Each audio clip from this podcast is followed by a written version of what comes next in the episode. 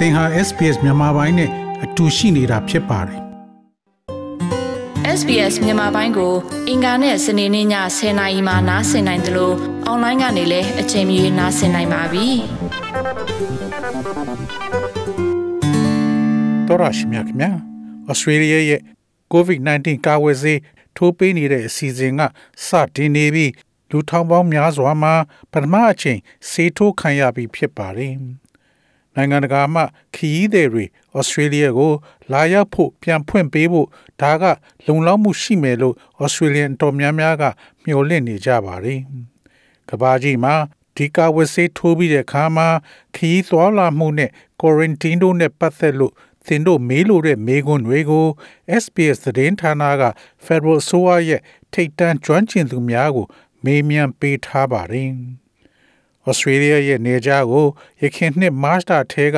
Australia နိုင်ငံသားမဟုတ်သူများနဲ့အမြင့်နေထိုင်ခွင့်မရှိသူများကို ပိတ်ပင်ထားပါတယ်။မကြာသေးမီကပဲ Federal အစိုးရကယခုလက်ရှိအရေးပေါ်အချိန်ကာလကို နောက်ထပ်3လတိုးမြင့်ခဲ့ပြီးဒါက2021ခုနှစ်ဇွန်လ1ရက်နေ့ထိဖြစ်ပါတယ်။ဒါကကင်းလွတ်ခွင့်မရသူများအတွက်ကတော့နိုင်ငံခြားခရီးသည်များကိုဆက်လက်လို့အစောဆုံး ယခုနှစ်အလယ်လောက်ထိဝင်ခွင့်ရမှာမဟုတ်ဘူးလို့ဆိုပါတယ်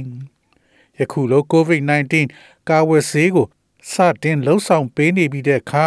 နိုင်ငံကိုနိုင်ငံခြားကလူတွေလာရောက်ဖို့ဖွင့်လှစ်ပေးနိုင်မယ်လို့ဩစတြေးလျတွေကမျှော်လင့်နေကြပါတယ်။အဲဒီဘီဟာထဲမှာကာဝယ်ဆေးထိုးတာပါဝင်တော်လဲဒီကာဝယ်ဆေးထိုးပေးတာကိုအစိုးရအနေနဲ့လုံးဝအဖြစ်ရလက်တစ်ခုအနေနဲ့မမြင်ပဲ ဖြစ်ဆွပေးတဲ့အတိုင်းအတာတစ်ခုအနေနဲ့သာမြင်နေပါတယ်။ဒေါက်တာဖီယိုနာစတန်နဝေးဟာ Sydney Tech သို့က School of Public Health က Clinical Epidemiologist ဖြစ်ပါတယ်။ Australia နေဆက်တွေကိုပြန်မဖွင့်ပေးခင်မှာအချက်လက်တချို့ကိုထည့်သွင်းစဉ်းစားဖို့လိုအပ်တယ်လို့သူမကပြောဆိုပါတယ်။ The borders being closed is really about reducing our risk and there's a number of things that contribute to that. So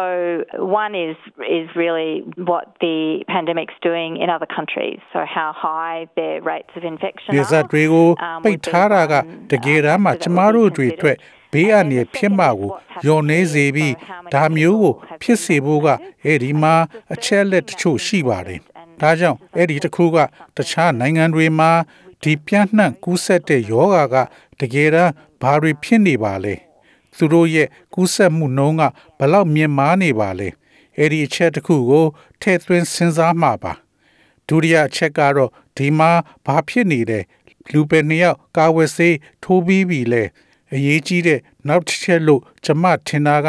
ကံအားမလျော်စွာပဲကျမတို့အချက်လက်တွေပို့လို့ပို့လို့ရရှိလာနေပေမဲ့ကျမတို့တကယ်တမ်းမသိသေးတာတခုကဒီကာဝယ်ဆေးကယောဂမပြန့်နှံ့အောင်ဘလောက် လှုပ်ပေးနိုင်တယ်ဆိုတာဖြစ်ပါတယ်။ဒါဆိုရင်နိုင်ငံတကာခီးသည်တွေပြန်လက်ခံနိုင်ဖို့အခြေအနေကိုဘယ်တော့မှမျှော်လင့်နိုင်ပါမလဲ။ကမ္ဘာတဝန်းမှာ COVID-19 အခြေအနေဝမ်းကျင်ကသိမသေးကြတာကိုကြည့်ခြင်းအပြင်ရက်အတိအကျကိုပေးဖို့ကအတော်လေးခက်နေပါတယ်။ Adrian Leach World Travel Projection ကခီးသွားအနေကိုစီမံခန့်ခွဲတဲ့အာမခံပေးတဲ့အုပ်ချုပ်ရေးမှုဖြစ်ပါတယ်။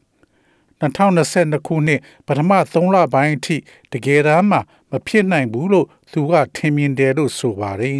။ဒီလိုခရီးသွားလာဖို့2022ခုနှစ်ပထမ3လပိုင်းအထိတကယ်တမ်းမှမဖြစ်နိုင်ဘူးလို့သူကထင်မြင်တယ်လို့ဆိုပါတယ်။ Mr. Leach ကယခုနှစ်အစပိုင်းတုန်းက Federal ကျန်းမာရေးအတွင်းမှုပေါမောက်ခ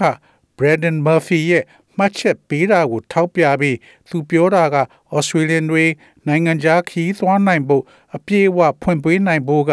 နောက်နှစ်လောက်ထိမဖြစ်နိုင်သေးဘူးလို့ဆိုပါတယ် I think that's still a a sensible timeline Um, I know bookings are opening up in July, but you would really be looking for your travel in, in, in 2022. The and that will give it give everyone time to see the success rate of the different vaccinations being ဒါကဖြစ်နိုင်တဲ့အချိန်တိုင်းတာလို့ကျွန်တော်ထင်ပါတယ်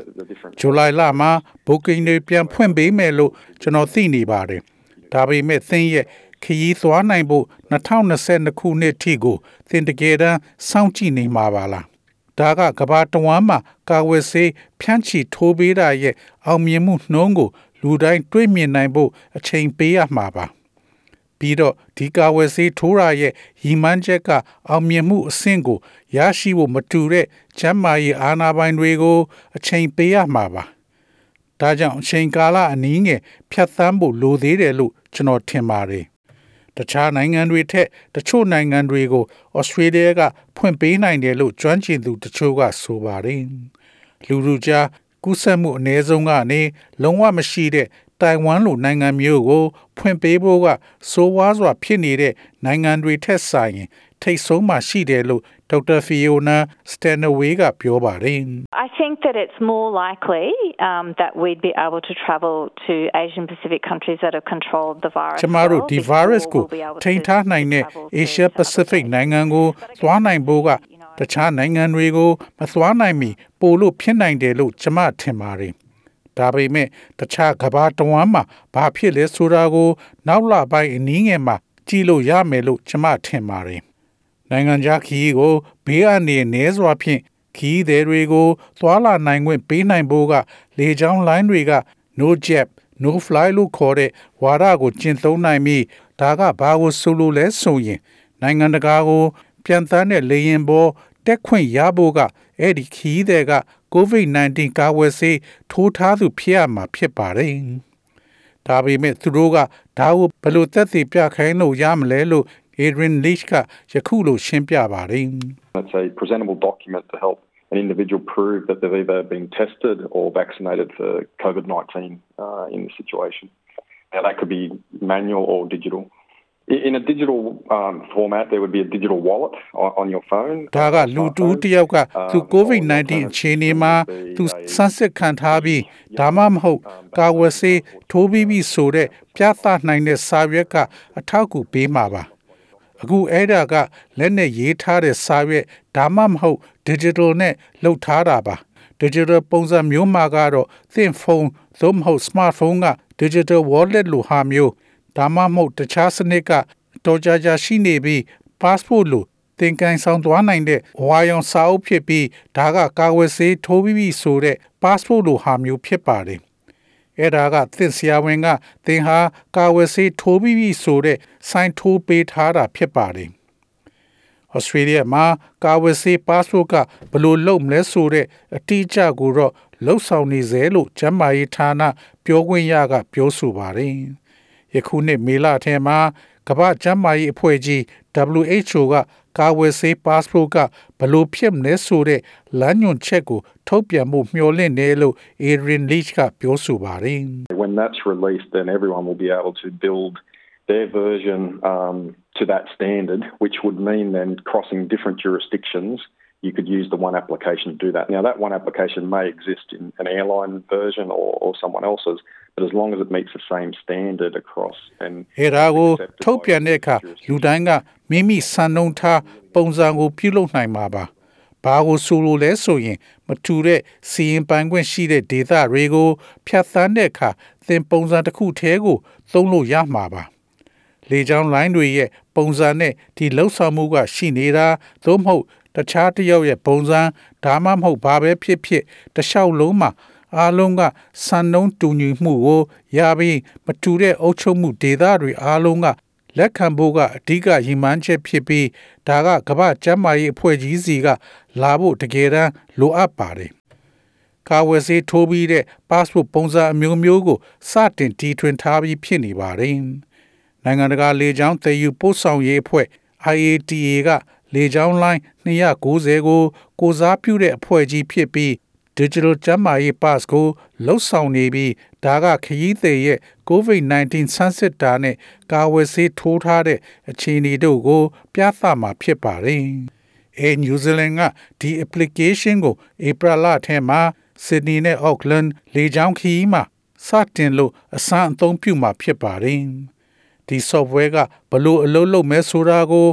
RMIT တက္ကသိုလ်က Dr. Crystal Zhang ကယခုလိုရှင်းပြပါတယ် they would link uh, that information uh, from the trusted vaccine providers. So those hospitals or clinics who have the information about the individual uh, traveler's uh, vaccine history or result to be um, transferred to IR. ယုံကြည်ရတဲ့ကာဝယ်ဆေးပေးတဲ့စီကသတင်းအချက်လက်တွေကိုဆက်နွယ်ထားခြင်းဖြင့်ဒီခီးသွားမဲ့လူတဦးတယောက်ရဲ့ကာဝယ်ဆေးရာဇဝင်သို့မဟုတ် အဖြေရလအချက်လက်တွေရှိတဲ့ဆေးရုံတွေသို့မဟုတ်ဆေးကန်းတွေက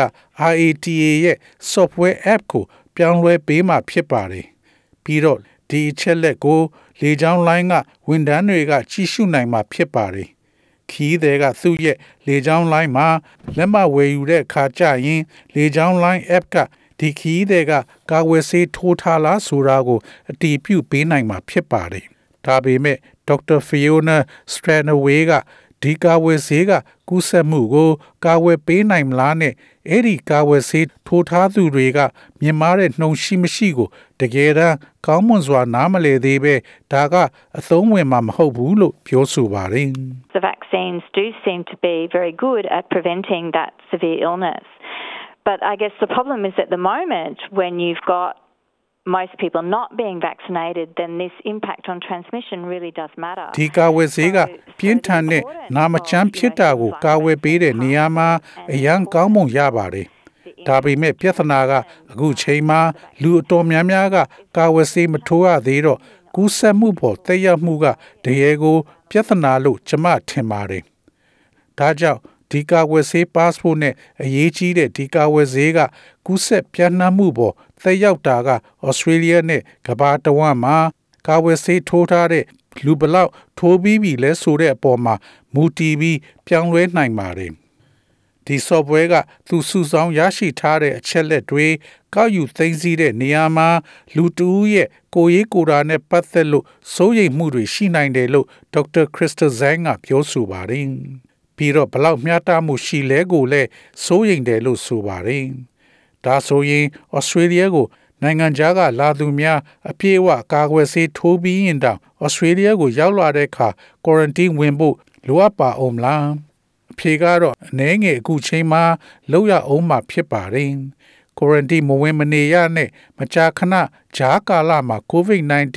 စစ်ဆေးမှုက ဒီကဘာလိုက်ပြန့်နှံ့ကူးစက်တဲ့ယောဂါကိုဩစတြေးလျကတုံ့ပြန်မှုရဲ့အဓိကမန်တိုင်ဖြစ်တယ်လို့ကျန်းမာရေးဌာနပြောခွင့်ရက ပြောဆိုပါတယ်။ဒါပေမဲ့အထောက်ပံ့ပြုတဲ့ကာဝယ်ဆေးထိုးတဲ့အချက်လက်တွေကိုဆက်လက်လို့အချိန်ကာလတစ်ခုတွင် ထုတ်ပြန်တဲ့အခါမှာလူမှုကျန်းမာရေးအတွက်ဝင်ရောက်ဆွတ်ဖက်မှုတွေကို ပြန်နောက်ဆုတ်ဖို့ဆုံးဖြတ်ချက်တွေဖြစ်စေနိုင်တယ်လို့ဆိုပါတယ်။ဒေါက်တာဖီယိုနာစတန်ဝေးက you would still need to be sure that those um, individuals aren't transmitting. Now, whether there might be some modifications when it becomes clear that the risk is is much lower, then that's likely to happen. But I think until we know that, အဲ့ဒီလူတူတယောက်ချင်းကယောဂမပြန့်နှံ့စေဘူးဆိုတာသိကြအောင်လုပ်ရမှာပါဘေးအန္တရာယ်ဖြစ်နိုင်တာကအတော်လေးနှိမ့်ချလာတာကိုရှင်းလင်းစွာမြင်တွေ့တဲ့အခါအဲ့ဒီမှာပြုပြင်မွမ်းမံမှုတွေဖြစ်နိုင်မလား အဲ့ဒီအခါကျဖြစ်လာနိုင်ပါတယ်ဒါပေမဲ့ဩစတြေးလျမှာလူမှုကြားပြန့်နှံ့ကူးစက်တာမရှိအောင်ဆက်လက်လို့ထိန်ထားနိုင်တဲ့အခါ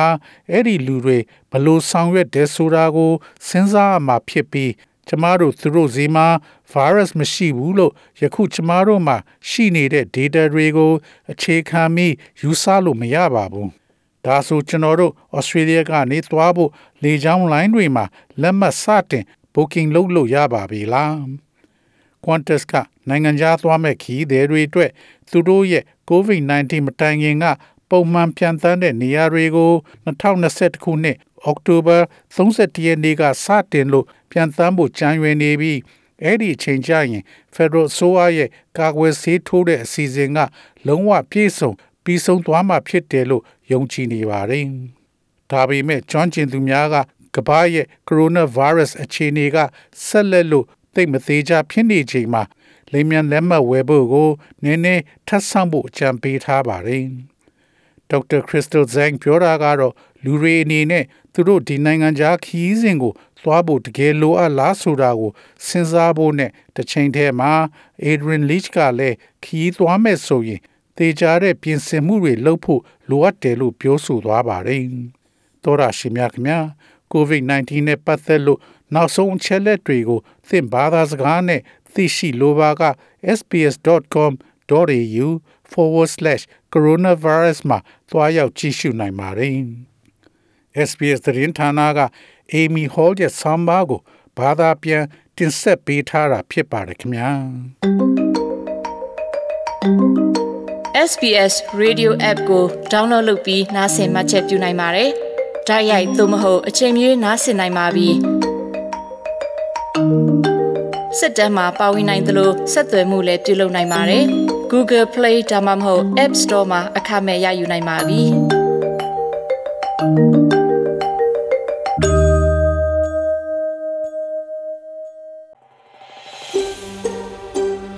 ဒါမျိုးသတင်းဆောင်မာတွေကိုပိုနားဆင်လိုပါလား Apple Podcast Google Podcast Spotify တို့မှာသင်ပင်ရာဖြစ်ဖြစ်ရယူတဲ့ podcast ကနေပါ